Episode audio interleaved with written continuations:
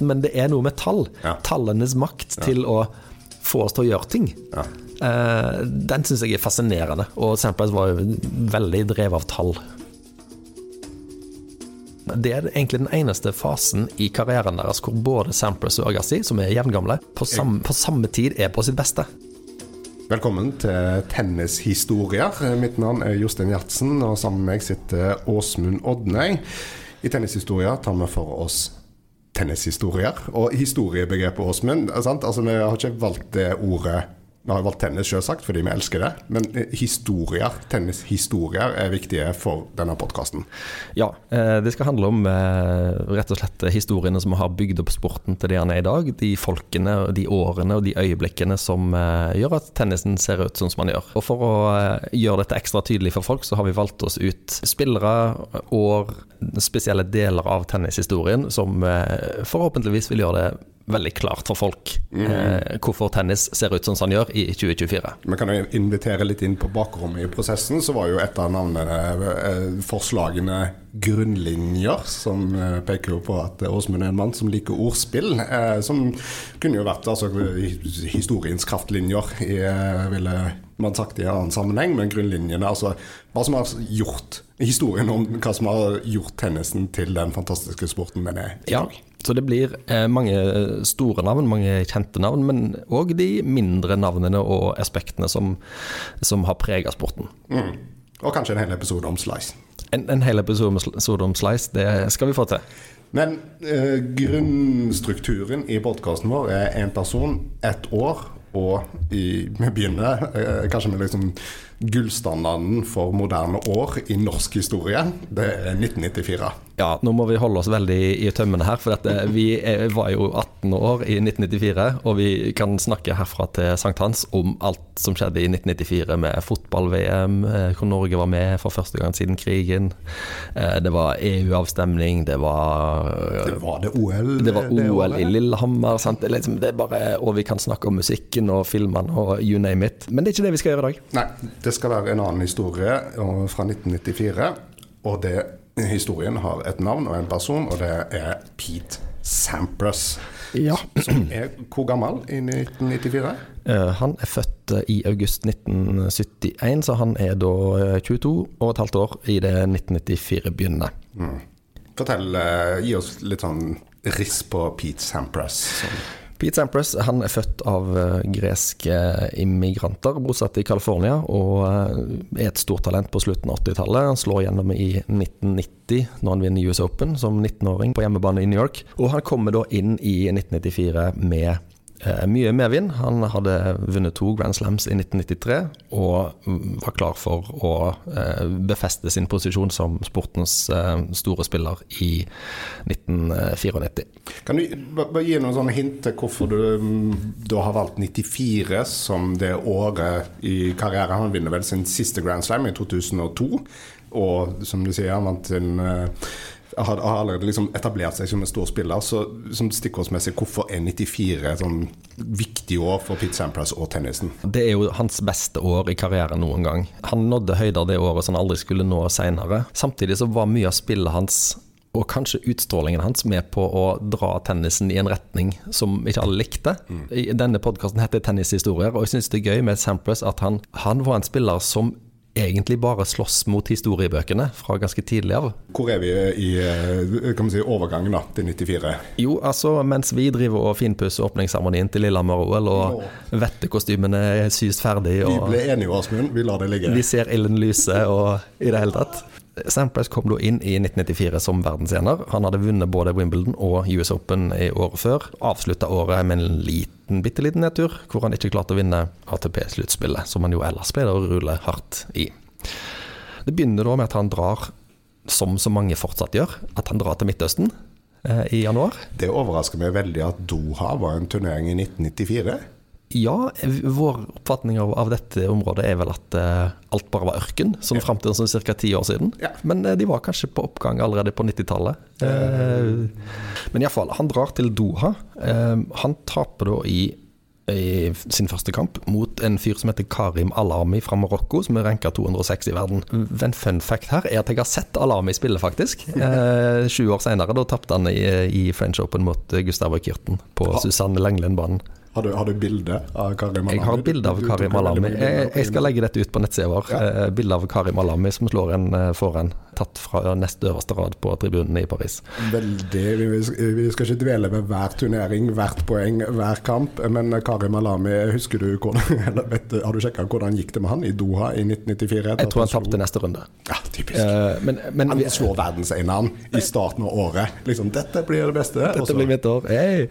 Jeg må bare si noe her, for jeg har lest to biografier om Pete Sampras, og den desidert dårligste av dem heter 'Greatness Revisited' av en fyr som heter Steve Flink.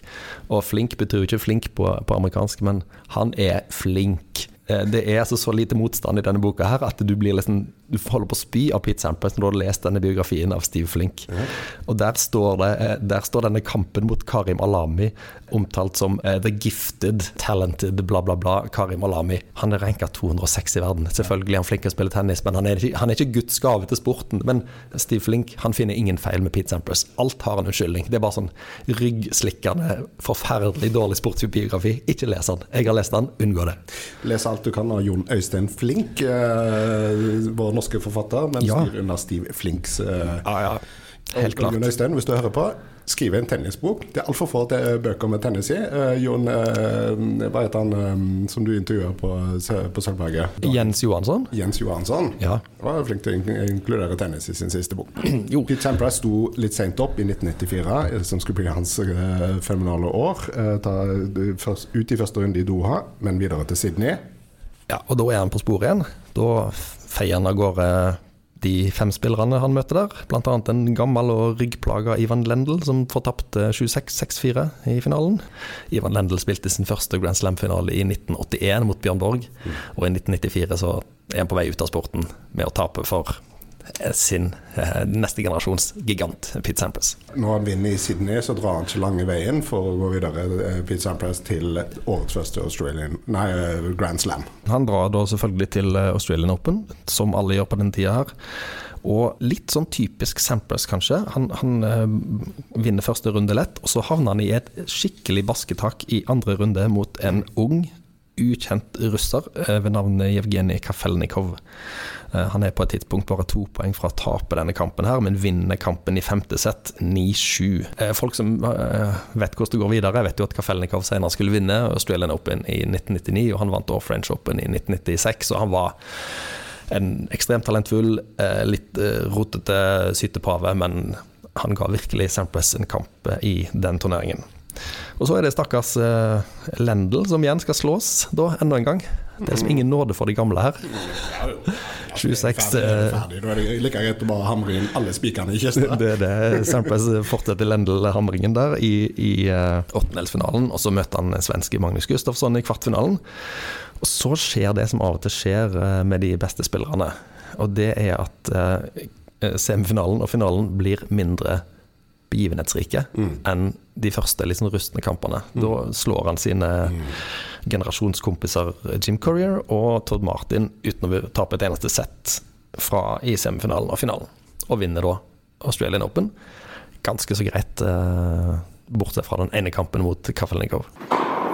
Og med det så setter han en en rekord som hadde stått i 25 år, nemlig å vinne tre Grand Slam på rad. Det stemmer. Han hadde da vunnet Wimbledon og US Open høsten før, og fortsetter rett over i, i 94 med, med Australian Open. Uh, dette hadde ikke skjedd siden den o-store Rod Laver i 1969, så ja. Uh, det var liksom ingen tvil om hvem som var uh, the man av denne generasjonen spillere som var født tidlig på 70-tallet, som mm. Sampras da var. Endelig hadde Sampras-toget forlatt perrongen. Og gitt at det er da liksom Ivan Lendl han må slå, eller ikke må slå da, hvis du gjør det enkelt. Han må liksom bare skuffe, skuffe jord på nede ned i hullet der Ivan Lendl ligger. Så igjen, det vi snakker om, sant? Altså, han må formulere seg et mål for å holde driven og koken, som han åpenbart gjør i 94. Og ja. med tre slams i beltet, ok. Ja, det, ja, det, er, det er ingen åpenbare likemenn det er ingen klar nummer to på dette tidspunktet. Uh, Sampras er såpass dominerende. Disse Todd Martin og Jim Courier som han slår, de er gode, men de er ikke på hans nivå. Og det som er gøy her, da, er jo at Lendl han er gammel. Han er utgammel. Han er skikkelig sliten. Og vet du hvor gammel han var? Nei, du skal si et, et forbløffende lavt tall. Ja. Da er Lendl 34 år, har egentlig vært eh, liksom fysisk sjaber i mange år allerede. Noe har skjedd med rehabiliteringen på de 30 årene som har gått. Eh, Fys er det lille ordet som brukes veldig mye i min sønns eh, tennisverden. Fys, ja. Det betyr ikke ball. Ikke, ja, det bygger opp kroppen så den tåler all banger over på tennisbanen. Ja, sant. Fysikk. Fysikk. Fysikk. Ja. Vi kom til februar i 1994, Pete Sampras sitt store år. Eh, han taper i Philadelphia ganske tidlig. Eh, ja, det gjør han. Jeg synes det er helt greit. Du skulle aldri dratt dit, Pete. Skulle droppa det. Du kan ikke drikke opp alle kaffekoppene du blir servert. Men eh, så Indian Wells, som allerede er en, det er en stor turnering i 94. Indian Wells er jo en av de store turneringene i rett under Grand Slam-sjiktet. Og uh, Sampras uh, maltrakterer tre stykk i de tre første kampene. Så slår han en uh, halvgammel Stefan Edberg i semifinalen, og så vinner den en femsettsfinale mot uh, Peter Korda, uh, hvor han da ligger under 2-1 i sett, men, men tar, den siste, uh, tar de to siste settene og vinner Indian Wells. Så I fem sett. i fem sett. Det er jo- eh, dette er jo en ting som de holdt på med på mastersnivå til godt ut på 2000-tallet, tror jeg. Ja, det er, altså, vi må bare skyte inn det at Åsmund kan alt av tennis fram til sånn ca. 2010-15. og jeg kan alt etterpå. Ja. Men for mastersfinalen nå er tre sett, sant? ja, ja. Ja, sånn at det, det, Jeg tipper det har vært noen spillerorganisasjoner inne i bildet her og sagt at ikke F om vi skal spille fem sett. Samme hva TV-ratingen sier, Det- men, det- men her er det fem sett. Der er det fem sett i 1994. Ja. Han slår korda, som du sier. Men det, det er jo veldig gøy med Indian Wells at eh, det er en turnering som vi kaller Indian Wells, og som sikkert alle som har en 5 investert av livet sitt i tennis, eh, gjenkjenner som en eh, California tennisturnering eh, tidlig på året i februar. Det ser jo helt nydelig ut. Oh, ja. yeah. Hadde ikke, fant, ikke fantes klimakrise og pengeproblemer, så hadde vi dratt dit veldig ofte. Ja. Men det er jo et eksempel på en turnering som kan skifte navn veldig ofte. Ja, eh, dette er jo litt av tennisens problem, og vi kommer nok til å komme inn på det i flere eh, episoder. Men, eh, for at noe skal få, et, få en status i folks øyne, så må det ha et navn. Og det må, kanskje, det må være så gjenkjennelig at, at det ikke er tvil om hva det er. Liksom For eh, Per i gata, hvis han skal bli interessert i en tennisturnering, så må, så må det navnet ha det samme navnet Ja. gjennom alt. Altså Premier League har hatt Premier League siden uh, 1992. Eller dette er kanskje Barclays Premier League, men det brukes bare Premier League. Premier League. Mens uh, i tennis så er det veldig Så har sponsorene vært flinke til å få klistra navnet sitt på turneringene.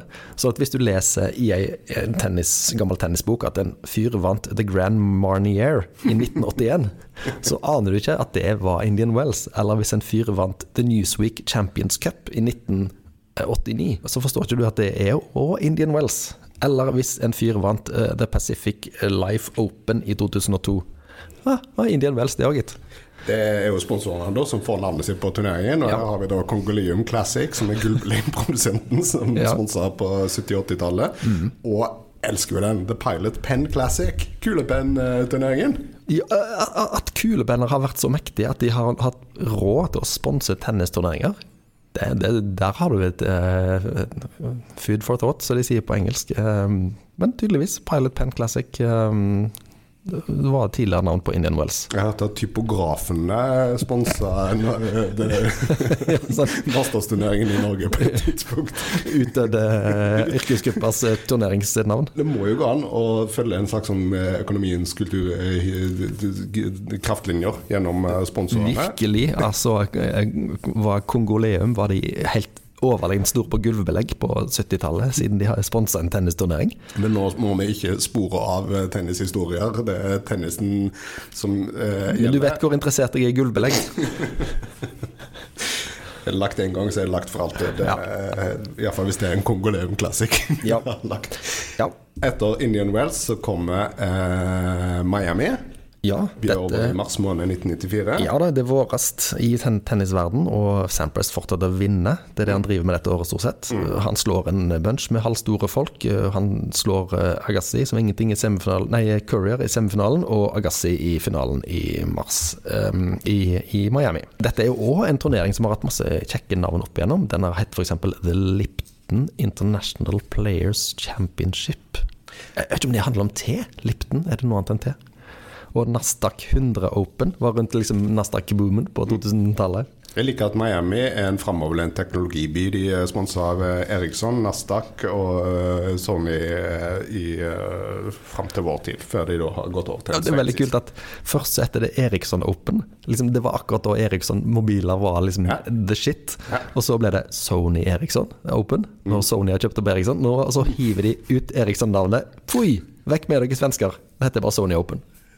Men det å vinne det, både i Indian Wells og Miami er litt sånn ikke, Det er ikke en Grand Slam-standard, men det er ganske nærme. Det er, det er bra greier, altså. For, for hardcourt er jo gjerne det mest demokratiske underlaget. Sant? Alle har en sjanse. Mm. Og hvis du klarer å vinne både Indian Wells og Miami ganske tett på hverandre, så har du, har du satt et merke på et år. Da har du vist at du er på en måte den som gjelder det året. Så det er ikke mange som har gjort det. Federer har gjort det tre ganger, vunnet begge to. Uh, Djokovic har selvfølgelig gjort det fire ganger. Uh, Nadal har aldri gjort det.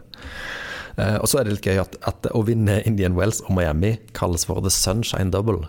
Ok, Miami ligger i samme land som Indian Wells, men jeg har målt ved hjelp av datateknologi.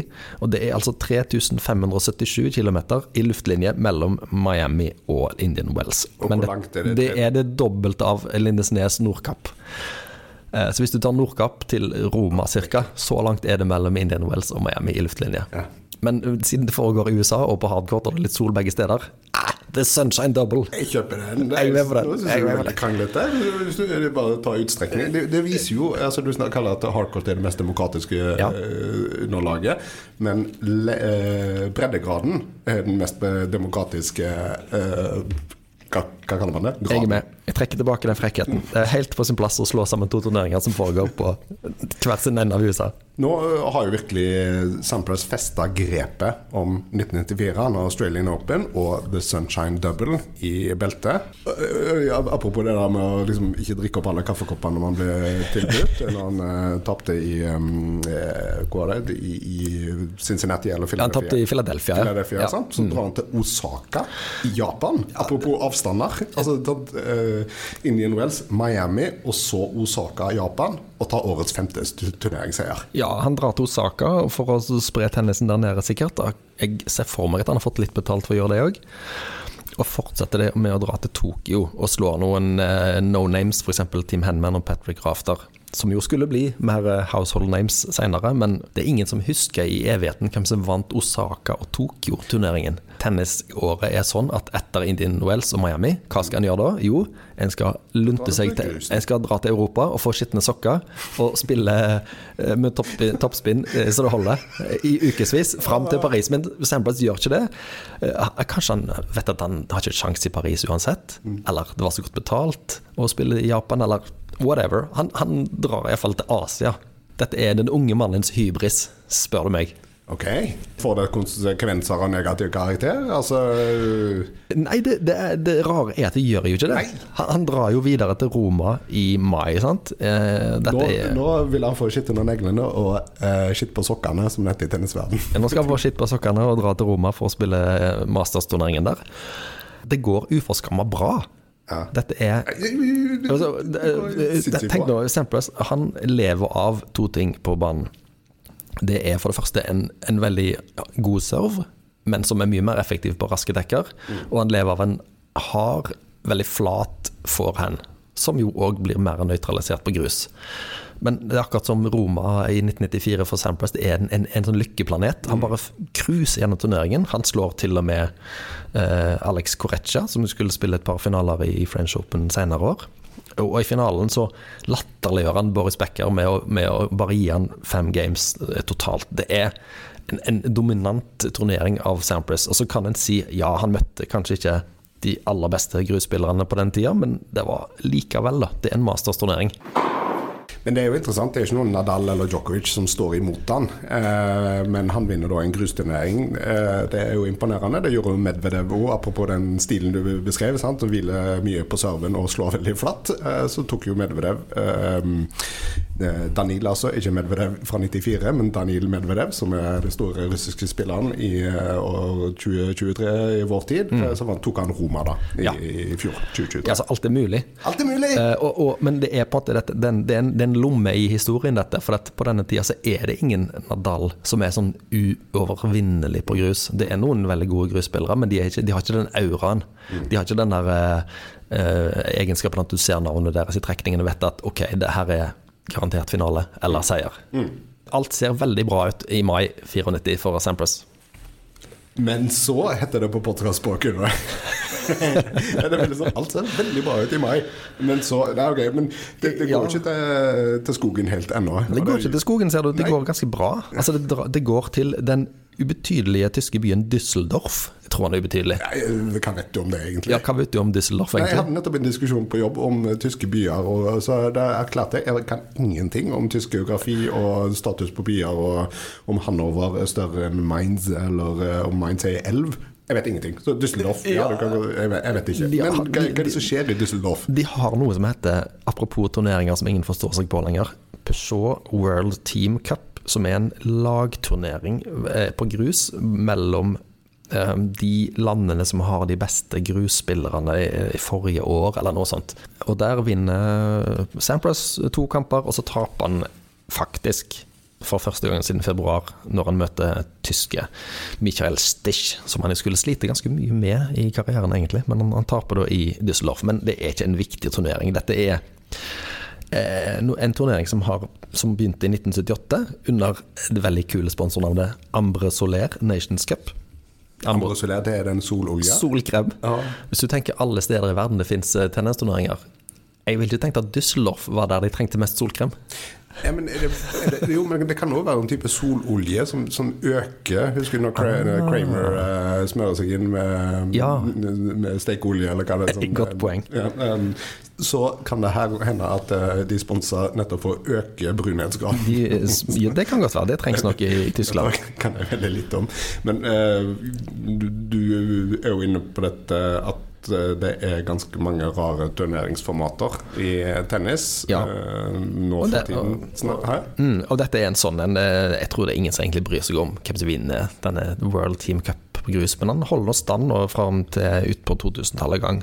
Og så blir han erstatta av en singelturnering i Düsseldorf, og den gikk siste gang av stabelen i 2014. Så dette kommer sikkert inn på hver episode. Sånn, dette årets UTS, Ultimate Tennis Showdown, som eh, ja. Kasper Ruud har frakta til Norge ja. i februar 2024, eh, så er det altså World Cup i 1994. Ja da, de holder på.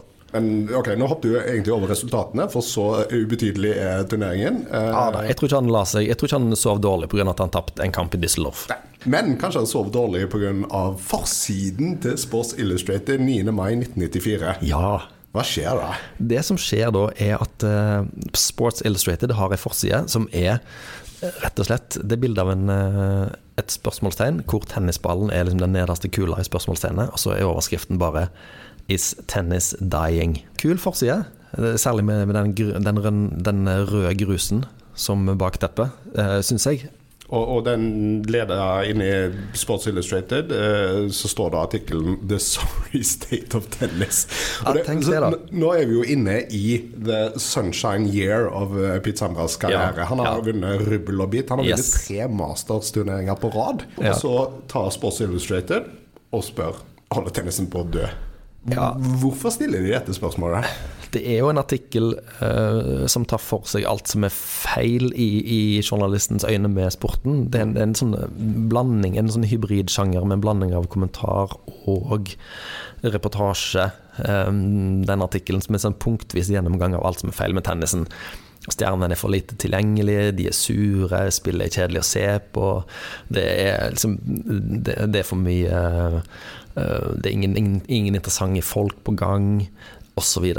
Dette kommer da fra et amerikansk sportsmagasin idet de har den soleklare nummer én som har høvla gjennom året uten sidestykke. Ja, altså Hvis tennisen holder på å dø, hva er Pete Sampras da? Ja. Er han på en måte begravelsesagenten, eller er det han som, ligger, Reaper? er det han som ligger i kista, eller hva, hva er det? Jeg skjønner ikke helt eh, metaforen. Um, Men er du enig i at det er et betimelig spørsmål å stille i 94? Altså Det går litt på Altså det, det, det er mye serve og uh, litt retur? eh, på den tiden. Ja, det, det, det er jo Vi ser veldig tydelig i dag at ah, dette er jo bare starten på Sampras eh, 90-tallet. Eller dette er på en måte Nå er vi midt inne i den marmorerte delen av Sampas-epoken.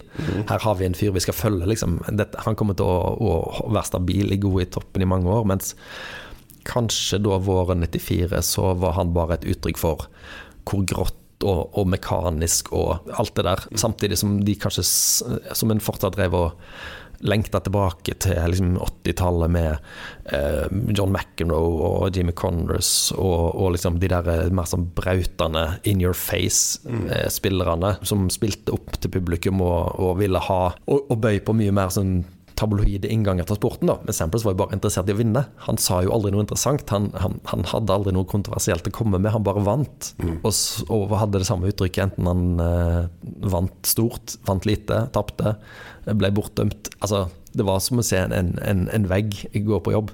Og, så du måtte være litt gira på tennisen som spill for kanskje å falle for det han holdt på med. da. Og kanskje, kanskje den store variasjonen i hvem som gjorde det bra, gjør det vanskelig for folk å henge med. Det er litt sånn som jeg har det med dametennis nå for tida. At jeg, det er mange som vinner Grand Slam, så de vinner kanskje én og to, og så plutselig gir de seg.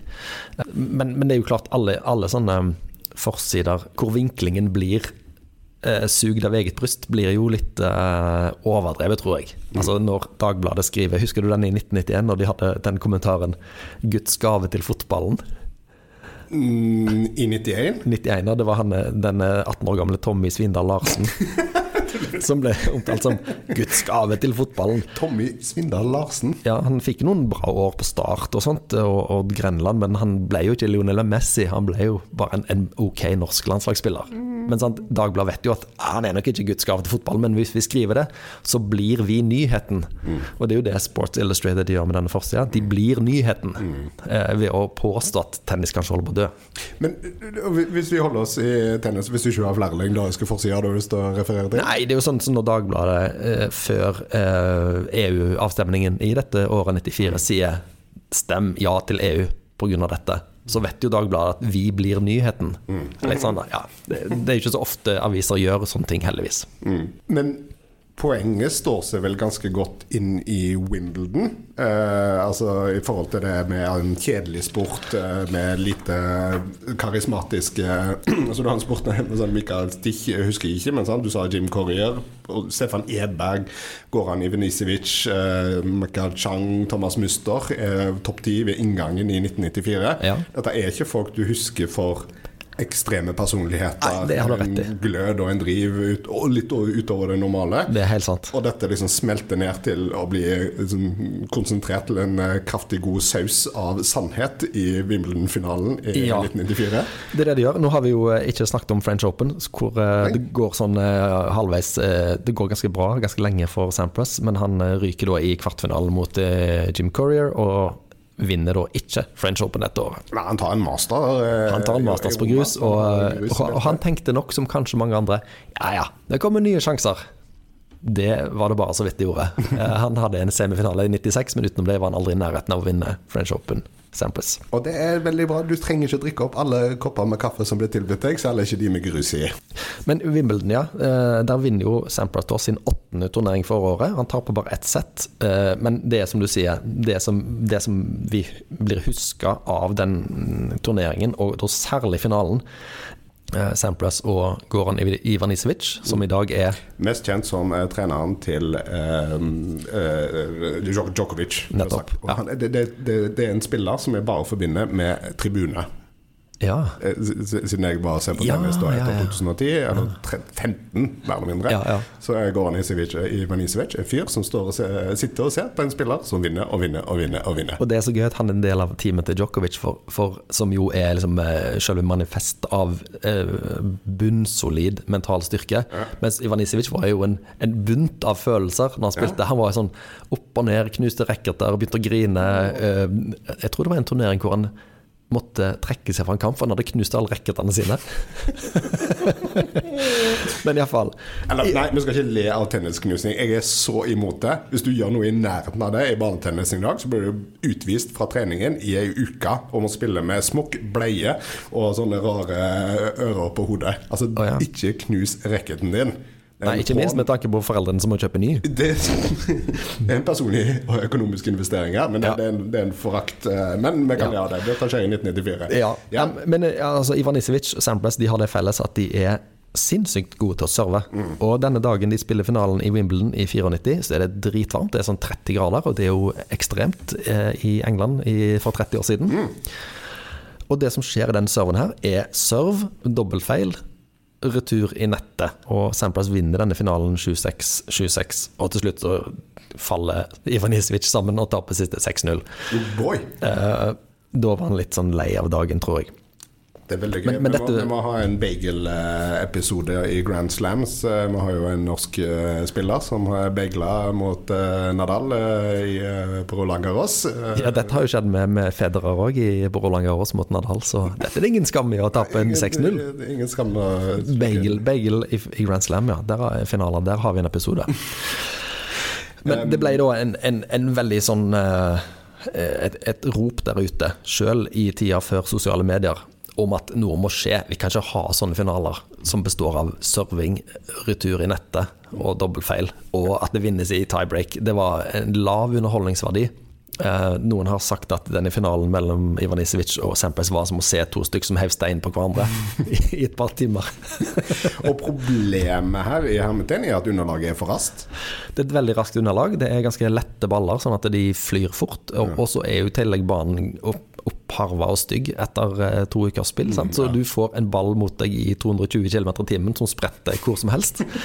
Og så har du fortsatt en rekke teknologi som ikke er så vennlig mot returspillerne som man er i dag. I dag er det jo eh, veldig eh, mye lettere å returnere serve med de store racketene, med, de- med de store treffpunktene og, og liksom, mm, alt det der. Eh, så dette, mange mener at, at eh, det Wimbledon som vi ser i dag, som jo ikke er server-volley-basert, kan spores tilbake til eh, etterdønningene av denne finalen, og kanskje Sampras sin dominans på 90-tallet. At eh, Wimbledon ble sånn Vi må ha Det må bli mer ballvekslinger. Men i dag så er jeg litt sånn Hvor stor er forskjellen da egentlig på de ulike underlagene? Den er kanskje ikke så stor. Jeg tror mye av det handler litt om kanskje personlighetene òg. Altså når Boris Becker vant Wimbledon på 80-tallet. Hva gjorde han det med? Jo, han gjorde det med å serve folk av banen. Han, var jo, han hadde bra spill, volleyspill og sånt òg, men Becker i seg sjøl var en sånn stort tysk smil med det store flagrende røde håret sitt. og liksom, Han var lett å lese, han var lett å like. Mens Sampress, når han serva folk av banen, så var det på en måte bare en, en maskin som gikk, gikk på jobb for å dundre ned disse slagene sine. Sånn at det, det var ingen som klagde på at Becker-tennisen var kjedelig og, og maskinell. Men når det kom en, en litt, litt gråere fyr og gjorde det samme, så kom de eh, reaksjonene. Interessant. Så eh, for det altså, Det jeg kan mest om, er jo eh, nåtidstennis og barnetennis. Så eh, hvis en sønn som har en ganske god serve, skal bli noe på tennisbanen, så serve med et smil. Oppsummert så langt vi er kommet i 1994, så har Pete Sampras åtte turneringsseiere. Han har vunnet åtte turneringer. Og, og, og fem av de er da Grand Slam eller Masters. Så eh, han har like mange Masters som han har uh, ATP-tur. Det er vilt. er For- veldig bra. det, og nå tenker vi jo at eh, hvis dette fortsetter, så vil 1994 bli eh, tidens beste tennissesong ever. Mm. For det som skal skje fra Wimbledon og ut året, som vi alle vet, er jo at det skal spilles tennis på hans favorittunderlag, som er amerikansk Mm. hardcourt. Og veldig veldig raske innendørsdekker i Europa. Og vi husker at innendørsdekkene i Europa på den tida her var mye raskere enn det de spiller på i dag. De spilte bl.a. på teppe og sånt, som var, hvor du kunne leve på serven din på en helt annen måte enn enn i dag. Og ja, Det var, eh, det var en annen form for tennis enn dagens innendørsturneringer. Det er veldig interessant. Altså, man snakker jo om at alt går så fort i vår tid, og det går bare fortere og fortere. Akseler akselerasjonistene eh, sin eh, budskap virker til liksom at det bare øker og øker. Men nei, tvert imot. Det gikk fortere. Ja, i hvert fall, i hvert fall dekkene var raskere. Kanskje strengene som gjør at de slår hardere i dag, men, men selve ballens bane, den var raskere. Så det, her kunne vi liksom snakke Snakket vi 12, 14, 16 turneringsseire? Hva var mulighetene her, for eksempel? De var jo enorme. Du spenner buen virkelig for eh, et eh, slags fall nå. Jeg er en slags Einar Tambarskjelve her på, på Ormen Lange, som spenner buen og sier at det, det tryner vel ganske kraftig, hele greiene. Sampler spiller litt grann tennis eh, Han spiller vel Davis Cup eller noe sånt i, mot Nederland. Etter Wimbledon, som den lojale amerikaneren han er. Og så drar han da til USA, men han spiller ikke den eneste av turneringene før US Open. Han er Jeg vil si at han er ganske utbrent, eller eh, bare det harde første året, halvåret har eh, gjort sitt. da, Til at han ikke klarer å, å delta i disse turneringene i, i eh, USA og Canada, som leder opp mot årets siste Grand Slam. Så han er ikke med i Toronto og Cincinnati? Han er ikke med i Toronto, ikke med i Cincinnati. Han har sånn senebetennelse i en fot, han har vondt i magen. Og så gjør han noe som jeg syns er helt sjukt. At jeg forstår ikke at, han, at dette skjer, men han skifter da utstyrsleverandør, altså kles- og skoleverandør fra det italienske Sergio Tacchini til Nike. Yeah. Dette gjør han midt i sin aller beste sesong. Yeah. Og den, en ting er jo liksom en kast T-skjorte du har på deg, det er, en, det er ingen som skader seg av det, men han skifter sko. Han, får, han går Nike lager noen nye sko til føttene hans, som jo overhodet ikke passer føttene hans. Pieces? Eh, altså, blir det hans eget merke, på en måte? For- Lager de ja, de skal vel selge mer sko, da, så de har vel noen Sampras-sko. Um, Jeg fikk bare veldig lyst til at de skulle hete Pieces, siden jeg Pieces? snakket veldig mye om Kanye West, som jo lagde sitt eget skomerke som het Jesus. Eh, så kunne Pieces. Jeg tror de heter noe Air, for han hadde disse smashene sine du kan hoppe av bakken. Så om de heter Air Sampras eller et eller annet sånt. I hans egen selvbiografi så er han, så er han altfor diplomatisk om dette greiene. Her får da skriver han at eh, nei, det var Nike som mente at det var ikke skoene det var noe galt ved, det var beina hans. Ok. Altså, jeg tenker, Er du verdens beste tennisspiller og skal få deg nye sko, så får du vel bare Nike til å ta de gamle skoene som funker, og mm, sette på en ny logo og kalle de for Nike Sampras, eller noe sånt. Ikke, ikke, ikke kødd med beina til verdens beste tennisspiller midt i hans beste sesong. Dette er jo interessant. Kanskje jeg husker ikke når Michael Jordan var på sitt største, men det kan jo hende at uh, Nike hadde et slags definisjonsmakt da, med at de hadde guden sjøl innen en større, en større sport enn tennis i USA, og hans eh, sko. Så liksom, hvis Pete Sampras, hvis du vil gå med Nike-sko, så Ja. får du gå med disse her. Sannsynligvis, men jeg vil jo tro det er et poeng at de får sko som passer, da. Nike har jo et team. De kunne hatt en egen ansatt som bare skulle sørge for at han hadde sko som passet. I alle fall, han, han ryker ut da i første runde i, eh, i US Open mot en fyr fra Peru som heter Jamie Yzaga. Trist for Sampras. eh, Men det er noe sånn lyspunkt i denne sorgens eh, epoke i 1994. Ja, nå må jeg ta meg veldig sammen, for jeg, jeg har ikke mye til overs for André Agassi. Jeg, han er flink til å spille tennis, men jeg syns han er en, vanskelig å like som type. Men for tennisen som sport, så var det nok bra at det var han som kom ut fra et par dårlige sesonger og vant US Open i 94. Dette var kanskje med på å bremse tennisens fall, sånn i anseelse. Altså for det, det, det er et gyllent år, apropos rivalisering.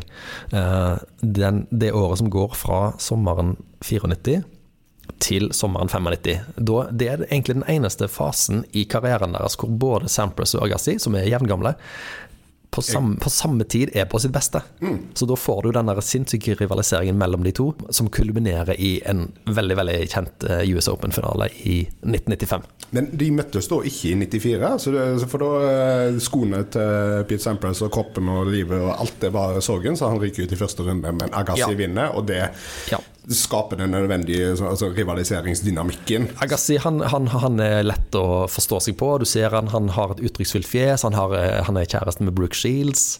Eh, sant? Han, han, han er en, en bra fyr for tennisen som mediefenomen. Mm, litt som Kanye West kunne vært for musikken, som, eh, siden han gifta seg med Kim Kardashian. Akkurat men så sånn. begynte han å lefle med nazismen, og da skal vi kansellere han for evig tid. Ja, Men ok, ja, eh, Så Agassi kom inn og, i 94 og redde kanskje sporten fra å dø, som Sports Illustrated spurte i mai, fordi at det kommer Altså, tennis er jo en duellsport. Du må Ja, jo ha ja. noen som kan Alcaraz må utfordre Yes, Djokovic, yes. eh, og nå kommer eh, Rune og Sinner i Ja, vår tid. Altså, ja. sant? For det, jeg trodde at når Djokovic eh, Når Nadal falt, at, at det skulle bli fem år med Djokovic-dominans. Altså, Ja. for det, var, det er så mye sånn krybben bites, eh, eller tom så hestene bites. Altså, Det var bare sånn banking under Djokovic. Ja. Ok, Ja. Nødvendigheten av rivalisering. Ja, for de to, Agassi og Sampas, møtes jo da i finalen i Australia i 95, og de møtes igjen i finalen i US Open 95. Eh, Begge to veldig gode, veldig eh, velkjente kamper. Men snakker vi nå mye om 95 fordi at året er litt over for uh, uh, Sampras? Altså, vi har kommet, vi har, han har røket ut av US Open, vi er fremdeles bare i august. Ja, nei, det er ikke over. Han spiller da Davis Cup i september i Sverige mot Magnus Larsson, som han vinner. Men så trekker han seg før han skal spille mot, eller eh, i den kampen mot Stefan Edberg, og han fortsetter å slepe seg gjennom disse europeiske innendørsbanene og ryker ut i, i Stockholm mot uh, Boris Becker i semifinalen. Uh, og han, men han tar ikke pause for det. Han fortsetter til Paris, til innendørsturneringen som foregår der, og ryker mot Agassi i kvartfinalen. Dette er litt sånn fotballhøsten som til Viking i fjor. Er det ikke det? Det- var liksom det- en ja, sånn ja. full fyr i bålet fram til Ja, men uh, forskjellen er at Viking må, måtte spille kampene. Sampras kunne jo sagt 'jeg gidder ikke', Ja, men allikevel så drar han til, av alle plasser, Antwerpen. Og spiller en, eh, en turnering der, hvor han da vinner omsider for første gang siden Wimbledon. Mm. En turnering igjen, hans niende for året. Det er altså fascinerende. Det har gått juni til november. Det er fem måneder, det. Eh, kan Ja. ikke ha vunnet noe. Ja, det er det. I, det er hans beste år. Men jeg vet ikke om det da er suget sug etter turneringsseire eller penger, eller hva det er. For jeg, Antwerpen vil heller aldri, i likhet med Osaka eller Tokyo, måle en spillers storhet. Men, eh, men han, han trengte kanskje bare å få eh, fylle opp pokalskapet litt igjen. Jeg mener at man skal ha en sunn interesse for uh, europeiske havnebyer av det litt tøffe slaget. Om du drar til Bari, Antwerpen eller Bergen. Så bare for å bli slått ned i havna der, og så kan du vinne en Ja, tennisturnering i jeg- tillegg. godt poeng. Han, etter det jeg har lest, så slo han tre wildcard-spillere. Og de som får wildcard til, Antwerpen, jeg, jeg tror ikke de er i Hall of Fame, noen av de. Kan jeg bare spørre, altså siden vi nå liksom Du, du nevner ikke navnet på de engang, eh, det vet vi ikke. Eh, Christian Ruud, Kasper Ja, Ruud sin ja. pappa, er vel ganske aktiv i disse tider. Eh, Han er veldig aktiv i disse tider. Han, Møttes han og Pete Sampras på noe tidspunkt? Å, det vet jeg ikke helt. Men han, han er jo vake i, i, i, i, dette, i dette farvannet, han òg. Han, han spiller f.eks. Um, French Open dette året, og ryker ut mot uh, Sergi Bruguera, som senere vinner turneringen. Så uh, Var det en Er det, går det an å huske det? Altså, for Guerrera er jo topp ti den, å vinne eh, Det var godt vi fikk nevnt det, da, hvem som vant eh, French Open med Roland Garros i 1994. Sergio Bruguera. Eh, der han da har slått eh, Christian Ruud en route til finalen. Det er, men vi vet ikke om Kasper Kristian trenger ikke- rote. Jo da, skal vi høre. Nå, nå kommer det. Eh, eh. Christian Ruud tapte i andre runde mot eh, Sergi Bruguera. Eh, han tapte 2-6, 2-6, 6-7. Men Bruguera var eh, sin tids Nadal i to år der. Så dette var helt, helt respektabelt av pappa Ruud. Og så, da. Eh, året er jo ikke slutt. Sampras drar seg videre til, eh, Du til er veldig sånn sleper seg videre, drar seg videre med de elendige skoene, med den skadeskutte kroppen. Du, det, det, Ja, ja, ja, unnskyld. Det Eh, er, ja, men det, det, det er jo en utrolig forskjell da Fra den helt sinnssyke første halvåret Ja, men jeg tror at hvis en verdens beste spiller i dag hadde kjent på den samme fysiske utslittheten, eh, Djokovic f.eks., så ville han spilt mye mindre enn Sampras gjorde høsten 94. Men han, han fortsetter da med å eh, melde seg på ATP-sluttspillet, som han ble kvalifisert til når han vant Wimbledon, så han var kvalifisert for lenge siden. Ja, Det var veldig tidlig å bli kvalifisert til ATP-sluttspillet i Veldig tidlig. juli I juli, ja. ja. Og den vinner han da, faktisk. Han, han, mm, det er ikke en prikkfri turnering. Han eh, taper ganske mange sett. Han taper første settet både i den avgjørende gruppespillskampen og i semifinalen og i finalen, men, men eh, slår da bra folk som Ivan Isevic, Edberg, Agassi og i finalen Becker på vei til sin tiende turneringsseier for året. Interessant at Boris Becker er så til stede i 1994. Altså, ja, Becker er jo en fyr som hadde en veldig opp og ned karriere.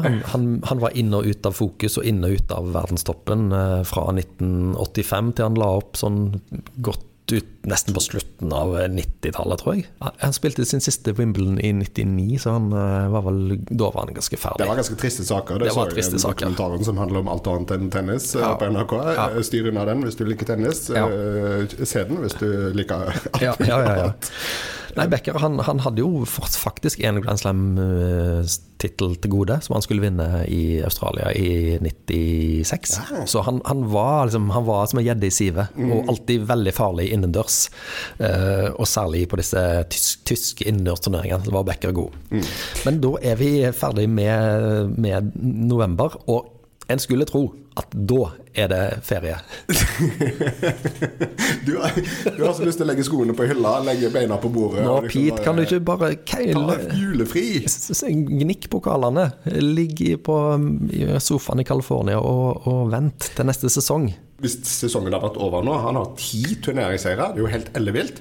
To Grand Slam, eh, Australian Open og Wimbledon. Ja. Og han har tre Masters 1000. Ja. Og han har altså et tosifra antall turneringsseire. Yes. Det er et crazy år. Det er Dra hjem, bra. ta julefri, ja. gå i push. gå i push. Men nei, du. Ja, han gjør ikke det. For dette, vi er da inne på uh, igjen en turnering som ikke finnes lenger, og som ser veldig rar ut når vi ser tilbake på det. Og det var noe som heter Grand Slam Cup.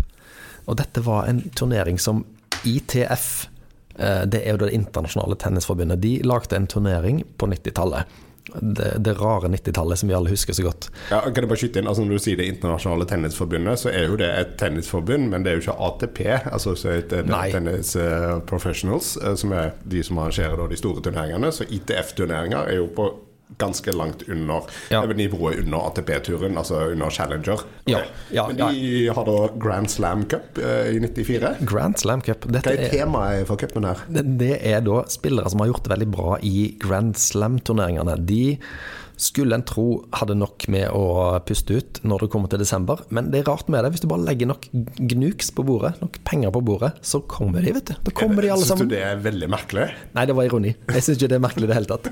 Men uh, denne turneringen var da herostratisk berømt for at det var den turneringen som betalte best. Det høyeste prispenger av alle turneringene var Grand Slam Cup. Men nivået på den var ikke tilsvarende, liksom? Eller statusen? Jo, nivå, eller, eller um, nivået var jo bra på den måten at den hadde jo spillere eh, som eh, hadde prestert bra det året. Mm.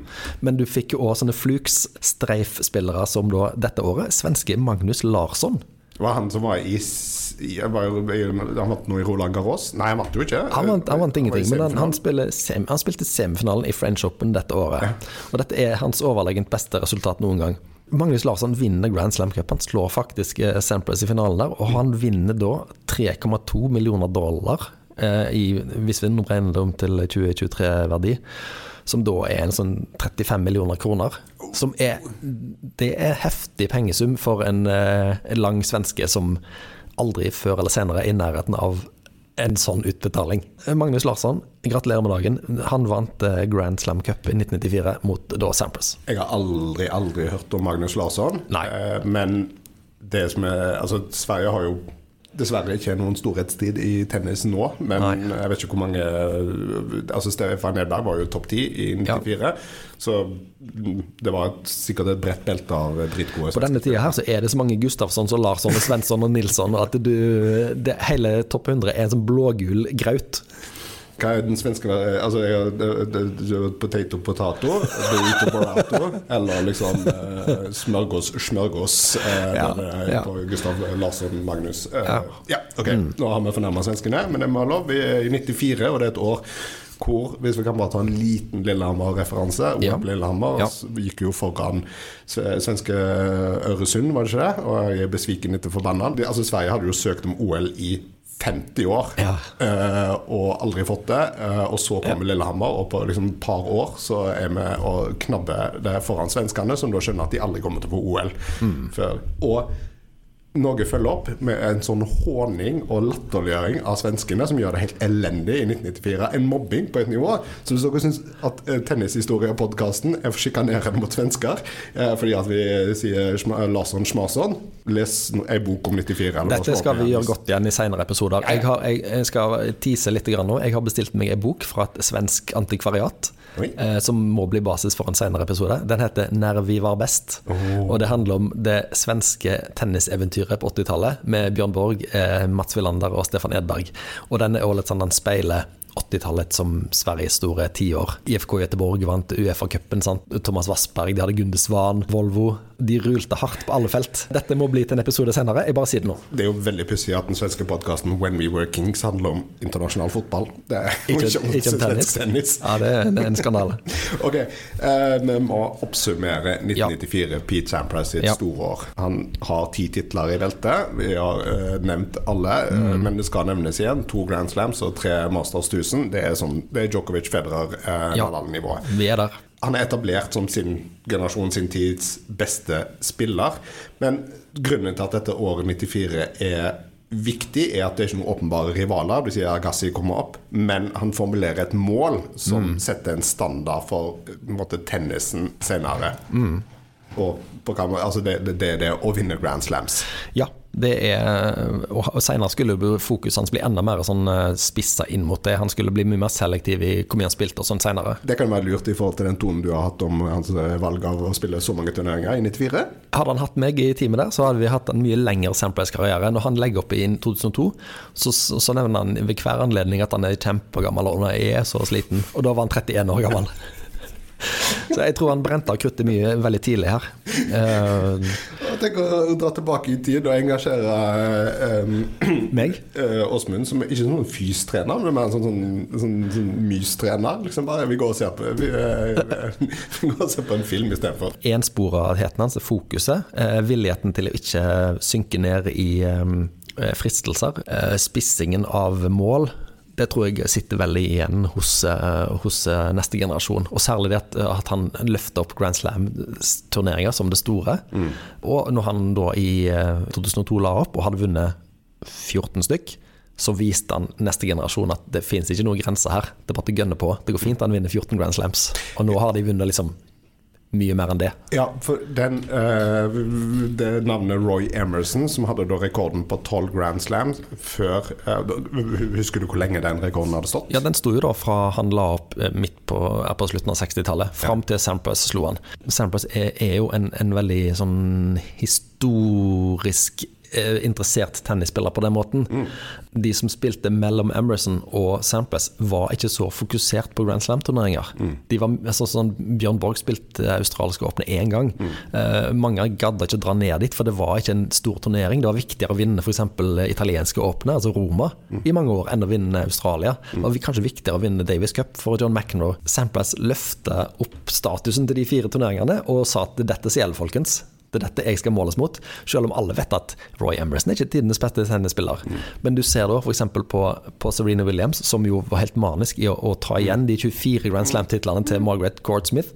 Hun Det er en målstrek som har flytta seg, flytta seg, flytta seg og så nære! men, men sant, eh, de, Margaret Court Smith vant jo òg en hel bunch av sine titler i Australia når det var bare australske spillere med. det, det er bare tull å sammenligne med på den måten, men det er noe med tall.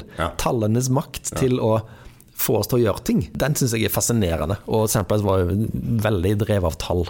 Og han åpner jo ei dør, ikke til eh, helvetes mørke, men til himmelens porter, med å bryte en barriere med 14 Grand Slams. For etter Pete Sampras så kommer jo da tre spillere som tar 20 Grand Slams. Altså Hvis du hadde fortalt det til barn i 1994, eller til tennisinteresserte, så ville de ledd av deg. Det fins ikke mulighet i en snøball som ligger på et veldig veldig varmt sted, til at noen kommer dit hen. Og da er jo, blir jo spørsmålet hvis altså, Pete Sampras bryter den barrieren eh, 94 er hans på en måte eh, annus eh, mirakelis. Yes. Eh, og med de tre eh, spillerne som da har brutt 20-barrieren, hva vil være en sånn hva, være, hva, hva kan være ny, det nye da, etter de tre store er ferdig? Altså, jeg sa jo når Samples la opp i 2002 at den rekorden her den kommer til å stå lenge. Og så sto han i noen år til Federer gikk forbi han. Har du det på tape? Skrev du det ned et sted? Eller bare sitter Nei, jeg kan godt jeg kan påta Du meg en sånn den, uh... udokumentert ydmykelse av meg sjøl der. Det, det er helt greit. Nei, jeg... Det setter vi av fint også, med en udokumentert ydmykelse av meg selv. nei, eh, hva skal være arven etter de tre som er nå? Djokovic sin rekord den kommer aldri til å bli brutt. Dette, dette, kan stå, dette kan stå på gravsteinen min, altså. Med mindre noe eh, veldig skjer med eh, hele måten sporten er lagt opp på. Det er, det er helt umulig å overgå 24 Grand Slams. Det er bare, bare glem det, sier jeg. Nei, jeg tror det- kanskje de til og med har nesten eh, gjort det vanskeligere for neste generasjon. Altså Kanskje de, neste generasjon tenker ah, vinne én Grand Slam, det er jo bra det, og to er ganske bra det, Å vinne fem år er ganske bra, men jeg er jo langt unna 24. Det, jeg, det, jeg er så langt unna. Jeg blir ikke sulten. Altså Det koldtbordet er ikke i dette bygget, det er ikke i denne kommunen engang. Altså, så, Yes, så jeg ja. ser ikke muligheten engang. Ja, ja. Så derfor kommer de til å brenne ut tidligere. Så den 20-målet vil ikke være relevant. Vinner du en, tipp topp. Det, det er ingenting Jeg ser ikke kas av Djokovic, Nadal, Fedra sine prestasjoner som skal kunne toppes. Men gitt at vi har vært innom en del pussige turneringer dette året 94, som jeg sikkert kommer til å være igjen, så kan det jo hende at noen type tar calendar slam i UTS. Og så, så det er standard. Altså, Ja. eh, fordi det er så gøy å bli gammel nå. Sant? Dimitrov Ja. og, og, og Monfils ja. og Djokovic er jo 20-30 år, sant? Og de kommer jo til å ha en postkarriere. Benoit Per gjør det jo dritbra. Eller den franske enfant terrible, som det finnes så mange av. Fyren som har bedre double backhand enn forhand, eh, gjør det kjempegøy. Sant? De showspillerne, apropos Ja. 94 og tennis holder på å dø, så prøver jo Ultimate Tennis Showdown å lage bare fest og sirkus ut av tennis. Så på ett nivå i, i 2054 så er det Ultimate Tennis eh, Showdown godt som er gullstandarden Ja, i ja, ja. tennis. Altså, så, men, men det må komme en type Pete Sampras da, som, som, setter så- den. Du kan ikke si with a, with a straight face at eh, jeg går for å vinne alle UTS-turneringene. Det, altså det, det, kan, Det tror jeg Dimitrov kan si, hvis han, er- han er jo i en superform nå. Eh, ja. Og um, hvis vi kan tise litt hva som kommer ned Han er jo en forbilde for eh, backenden. Ja, ja. Det skal vi snakke mer om i Ja. tennishistorie. Ja. Men, og, og, men jeg tror at han snart vil være mer interessert i penger og Ja da, Det- kan godt være. Og, eh, ok, La oss si, det kom, la oss si sånne gamle gubber som oss, da. Vi dør jo ut. Eh, At neste generasjon, liksom de som er født og oppvokst med TikTok og, og liksom instant eh, gratification, sier drit i Grand Slams, da. Jeg vil, eh, vil vite hvem som vant UTS eh, de årene. Ja. Og så kommer det en eller annen guru som sier ja, mitt mål er å, å rule UTS-formatet. Drit i de der avleggs Grand Slam. Det tar jo fire og en halv time for hver kamp. Det er jo dødskjedelig for oss som er vant til å scrolle og zappe og retweete og holde på. Kanskje, kanskje da. Eh, Men eh, da skal du høre, legge øret mot bakken og høre en gammel gubbe som spinner rundt eh, i vrede, og det er meg. Og vår, vår tids store gullstandard ble altså da satt i, i, i skapet av Pete Sampras. Og vi har i tennishistorie i dag snakket om Pete Sampras sitt tennisår 1994. Helt utrolig. Hvor lenge gikk det etter 1994 at en spiller vant over ti turneringer? Jeg tror faktisk det var året etter. Lurer på det. Det tar vi da i neste Eh, altså, jeg lurer på om han der østerrikske Thomas Muster et år vant liksom tolv turneringer, og Thomas Muster? elleve av de var på grus. Det er veldig gøy. Det får bli en annen episode. Ja, sånn, ti- ja det blir til en annen episode det. Det skal vi si. Men har dere, har dere hørt på, har dere likt det, har dere hata det, så send oss en mail på post etter tennishistorier.no, så skal vi svare. Beste evne, enten her i podkasten eller eh, rett på e-post, eller i eh, vårt eh, nett, eller Åsmund sin tennisblogg, tennisbloggen.nett. Du finner oss på så mange plattformer at eh, Ekkofisk blekner i forhold. Mitt navn er Jostein Gjertsen. Åsmund Odnøy har vært i, i Tennishistorier. Takk for oss. Vi er snart tilbake.